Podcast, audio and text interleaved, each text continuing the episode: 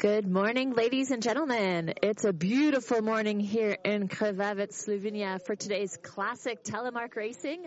On the program, we have women's and men's World Cup races starting at 9.30 this morning and the World Junior Championships for the Classic this afternoon starting at 1 p.m. So just to give you a little bit of background information of where we're situated here in Slovenia, it's a population of 2 million people.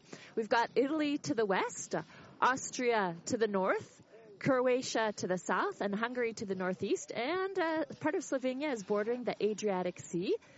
50% of the country is covered by forest. And this screenshot here is the is Kranj, and we saw in the distance there on the images ski jumping.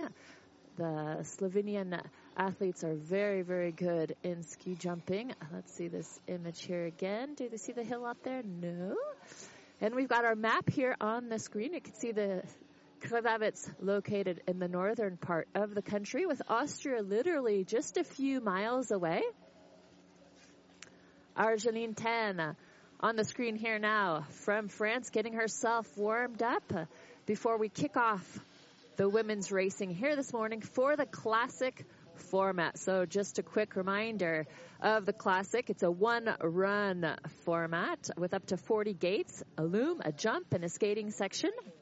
There's 30 gates on today's course, and the course is set by Norwegian coach Per. And Per used to be the alpine ski team coach for uh, Norway, coaching the likes of Aksel Lund Svindal and Kjetil Jansrud.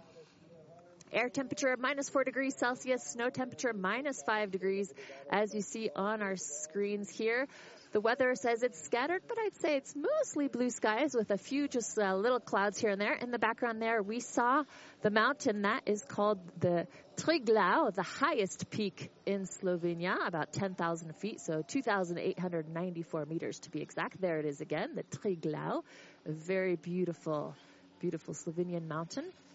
And we're not right near that mountain, but we see it off in the distance.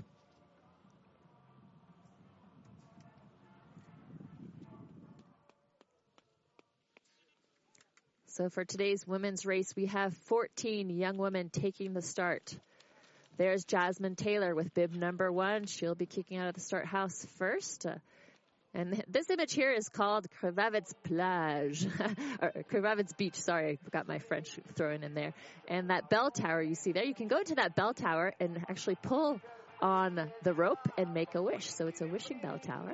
I made my wish this morning. I won't tell what it is, otherwise it won't come true.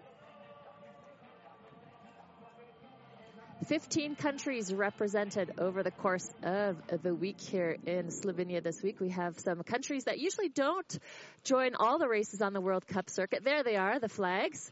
In order, so we do have uh, Spain who will be joining us,